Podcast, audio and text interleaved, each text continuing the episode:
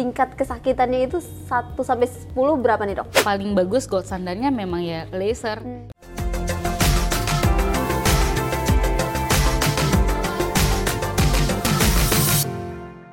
Hai hai, balik lagi bareng aku Nafila di Behind Beauty Podcast. Eh, kali ini kita mau ngebahas tentang gimana sih caranya ngilangin tato.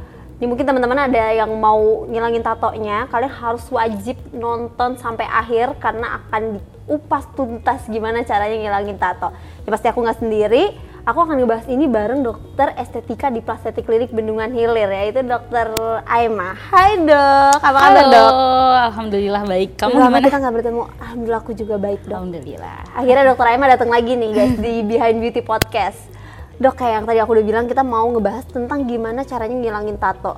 Karena belakangan ini banyak banget DM masuk ke plastik klinik nanya gimana sih kak caranya ngilangin tato? Gini aku mau ngilangin tato gini gini mungkin mereka tatonya tulisan mantan kali ya dok ya. Sekarang udah jadi mantan jadi sekarang dia mau ilangin.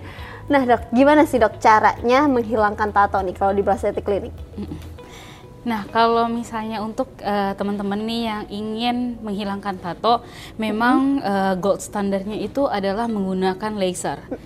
Laser adalah terapi yang paling baik untuk eh, menghilangkan tato. Gitu. Nah dok, itu kan berarti pakai laser ya dok. Lasernya tuh ada namanya nggak sih dok? Apa cuma ya sama aja kayak laser-laser pada umumnya gitu? Kalau di sini kita menggunakan laser QS NDX. Hmm, Nah, kebetulan emang QS NDX ini memang paling bagus nih untuk menghilangkan tato. Lebih eh, cepet lah untuk eh, prosesnya sendiri gitu. itu dok, eh, treatmentnya itu dilakukan sekali langsung hilang kah dok? Apa harus dilakukannya berkali-kali dok? Nah, untuk berapa kali proses penghilangan tato tersebut banyak banget nih faktornya. Yang pertama bisa jadi karena warna kulitnya. Warna kulit orang-orang yang lebih putih itu akan eh, membutuhkan proses penghilangan tato tuh lebih sedikit ketimbang yang kulitnya lebih gelap. Nah, yang kedua tempatnya. Tempatnya itu dilakukan sama orang eh, yang melakukan tato artisnya itu apakah dia amatir atau yang profesional. Nah, ini ada hubungannya sama kedalamannya, kedalaman si tatonya. Kalau misalnya amatir biasanya eh, si tatonya ini kan kulit kita kan ada lima lapis nih. Nah, kedalamannya itu nggak terlalu dalam. Jadi untuk mengattack si tatonya untuk menghilangkannya akan lebih eh, gampang, mudah lebih gitu ya, mudah. Sedangkan untuk yang profesional biasanya membutuhkan waktu untuk penghilangannya. Jadi berapa kalinya tergantung nih, tergantung dari eh, kulitnya si pasien, terus warna kulitnya maaf, terus habis itu ada juga di mana tempatnya, tintanya, warnanya, kedalamannya itu sangat mempengaruhi. Kalau warnanya tuh gimana dok? Kalau misalnya warna-warni akan lebih sulit kah dok? Apa Iya. gimana? Warna-warna seperti kuning misalnya itu akan jauh lebih sulit untuk dihilangkan ketimbang yang warnanya hitam. Hmm, kalau tingkat besar kecilnya tato juga mempengaruhi nggak dok? Iya, mempengaruhi. Misalnya kalau misalnya dia punya tato yang kecil, yang kecil apalagi e, misalnya dilakukan di tempat yang tato artis amatir, itu jauh lebih e, cepat. Misalnya cuma dibutuhkan sampai tiga kali pengulangan. Nah, tapi kalau misalnya e, gambarnya lebih besar dan otomatis itu kan tinta yang digunakan juga lebih banyak kan. Nah, itu makanya lebih e, pengulangannya itu jauh lebih banyak ketimbang yang sedikit tadi. Selanjutnya nih dok, eh, kalau misalnya letak tatonya itu mempengaruhi tingkat kesulitan ngilangin tatonya nggak sih dok? Iya, bener banget nih. Jadi untuk lokasinya, memang kalau yang eh, yang lebih dekat ke jantung, misalnya kayak ada di eh, dada atau bahkan di wajah, kan biasanya ada tuh yang kita eh, lihat tato-tato artis yang entah ada dari budaya tertentu atau memang dia ingin eh, desain aja, itu biasanya di wajah juga. Untuk tingkat eh, penghilangannya itu lebih sedikit, lebih dibutuhkan sedikit dibandingkan dengan yang menjauhi dari jantung. Misalnya kayak di jari atau di kaki, di tungkai itu akan lebih sulit. Kenapa? Karena eh, dipengaruhi oleh peredaran darah. Nah, untuk tempat-tempat yang misalnya eh, tatonya itu lebih dekat ke kelenjar juga itu akan lebih cepat pudarnya, lebih sedikit pengulangannya karena akan terserapnya itu lebih cepat ketimbang yang menjauhi kelenjar. seperti itu. Hmm, nah itu ya teman-teman. Jadi letaknya pun juga akan mem- mempengaruhi. Nah laser tato ini dok, sebelumnya apakah dilakukan anestesi dulu nih? Soalnya mungkin teman-teman akan takut nih, ntar sakit lagi gitu. Di anestesi dulu nggak nih dok? Iya, pastinya eh, untuk lakukan laser tato ini kita anestesi dulu. Anestesinya dengan anestesi krim, jadi akan didiamkan kurang lebih 30 menit sampai 40 menit. Nanti baru langsung di- eh, dikerjakan nih lasernya. Hmm, tapi mungkin agak sedikit ada masih berasa-berasa gitu kali ya dok. Tingkat kesakitannya itu 1 sampai 10 berapa nih dok?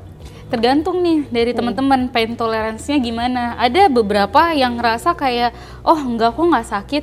Ta- eh, dengan jol yang agak tinggi pun mereka akan ngerasa kayak oh biasa aja. Tapi ada beberapa yang memang te- eh, pain toleransinya lebih rendah akan merasa aduh sakit gitu. Dan kalau laser tato karena kan kita targetnya untuk memecah sih eh, tintanya itu kan memang lebih sakit lah dibandingkan laser rejuvenasi biasa.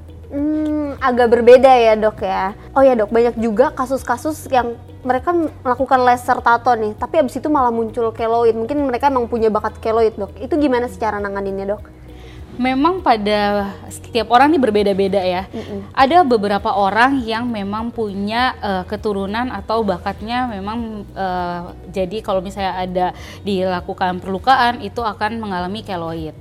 Nah biasanya nih pada orang-orang yang kulitnya lebih gelap itu akan cenderung eh, punya si bakat keloid tersebut. Tapi nggak semuanya ya, nggak semuanya. Ini cuman eh, biasanya. Nah, kalau misalnya teman-teman yang punya bakat keloid ataupun teman-teman yang nggak tahu punya atau enggak, nggak usah khawatir untuk melakukan treatment tersebut. Karena kalau misalnya nanti sudah dilakukan treatment dan ternyata ada keloidnya, masih ada kok treatment lanjutan yang bisa dilakukan, misalnya kayak injeksi Apa keloid Hmm. atau laser keloid juga untuk menghilangkan um, menyamaratakan Keloidnya. si Oh. keloidnya itu juga ada.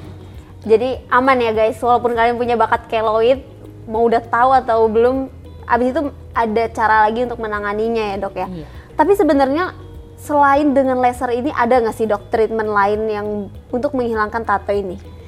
Sejauh ini sih dari penelitian-penelitiannya memang paling bagus gold standarnya memang ya laser. Hmm. Karena kan dia targetnya harus lebih dalam kan untuk memecah si tintanya.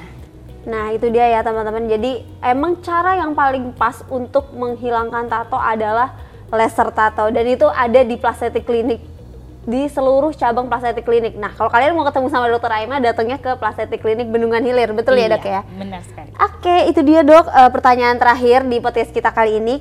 Dokter ada yang mau ditambahkan lagi nggak nih dok?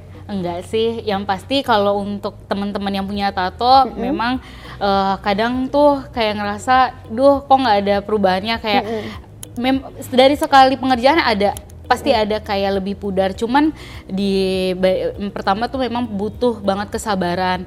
Terus apalagi kalau misalnya teman-teman yang tatonya berwarna itu pasti bakal lebih panjang eh, pengulangannya ketimbang yang warnanya gelap Harus gitu. lebih bersabar ya, Dok, ya. Mm-mm, harus Jadi- lebih sabar lagi.